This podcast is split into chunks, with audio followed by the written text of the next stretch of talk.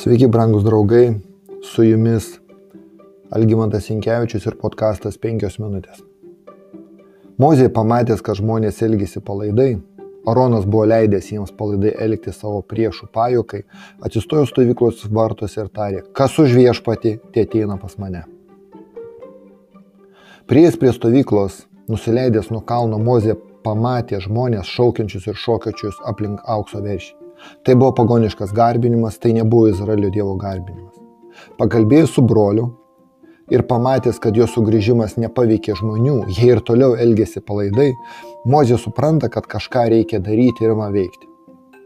Mozė atsistoja ne stovyklos viduryje ar kur kitoje vietoje, bet prie stovyklos vartų ir pakviečia ateiti tuos, kurie vėliau padarys tai, kas sukels kabutėse šoką visai bendryjai. Mozė paklausė, kas už viešpatį, tai yra kas iš jūsų yra laisvas nuo šio, nuo šio nusižengimo. Toliau tekste skaitome. Visi levitai susibūrė aplink jį. Jis tarė jiems. Taip kalbėjo viešpats Izraelio Dievas. Prisijoskite kalavėje prie šono visi iki vieno. Eikite nuo vartų prie vartų, išilgai ir skestai stovyklos ir žudykite savo brolį, kaimyną ir giminaitį. Levitai padarė, kaip Mozė įsakė, ir tą dieną krito apie 3000 žmonių. Ką galime pasakyti perskaitę tokį tekstą? Ogi tai, kad gėrio ir blogio kare nėra neutralumo. Mes esame arba Dievo, arba šetono pusėje. Neina pasakyti, aš niekam nepriklausau, aš nei raudonasis, nei baltasis. Vidurinio kelio nėra. Tada Elijas prie, priejo prie visų žmonių ir tarė, ar ilgai jūs šlubosite abiem kojom? Jeigu viešpats yra Dievas, sekite paskui jį, bet jeigu balas, tuomet sekite jį. Pirma karalių knyga 18 skyrius.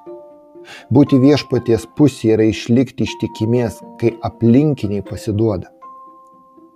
Nuėjame testamente yra parašyta, įeikite pro ankštus vartus, nes erdvus vartai ir platus kelias į pražūtį ir daug jų einančių. Kokie ankšti vartai ir koks siauras kelias į gyvenimą, tik nedaugelis jie atranda. Mato Evangelija 7 skyrius 13-14 eilutės. Ir iš tikro reikia drąsos būti kitokiu, išstovėti, kai tai nepopuliaru arba dauguma pasiduoda.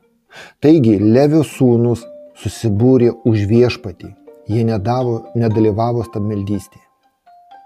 Levitai turėjo nužudyti šios nedarybės lyderius. Vis dėlto niekas nebuvo nubaustas, kuris atgailavo, tik tie, kurie atvirai stojo prieš Dievą. Iš 600 tūkstančių vyrų, kurie išėjo iš Egipto, žuvo tik apie 3 tūkstančių žmonių. Tie, kurie tebetėsi nuodėmė mozijai sugrįžus.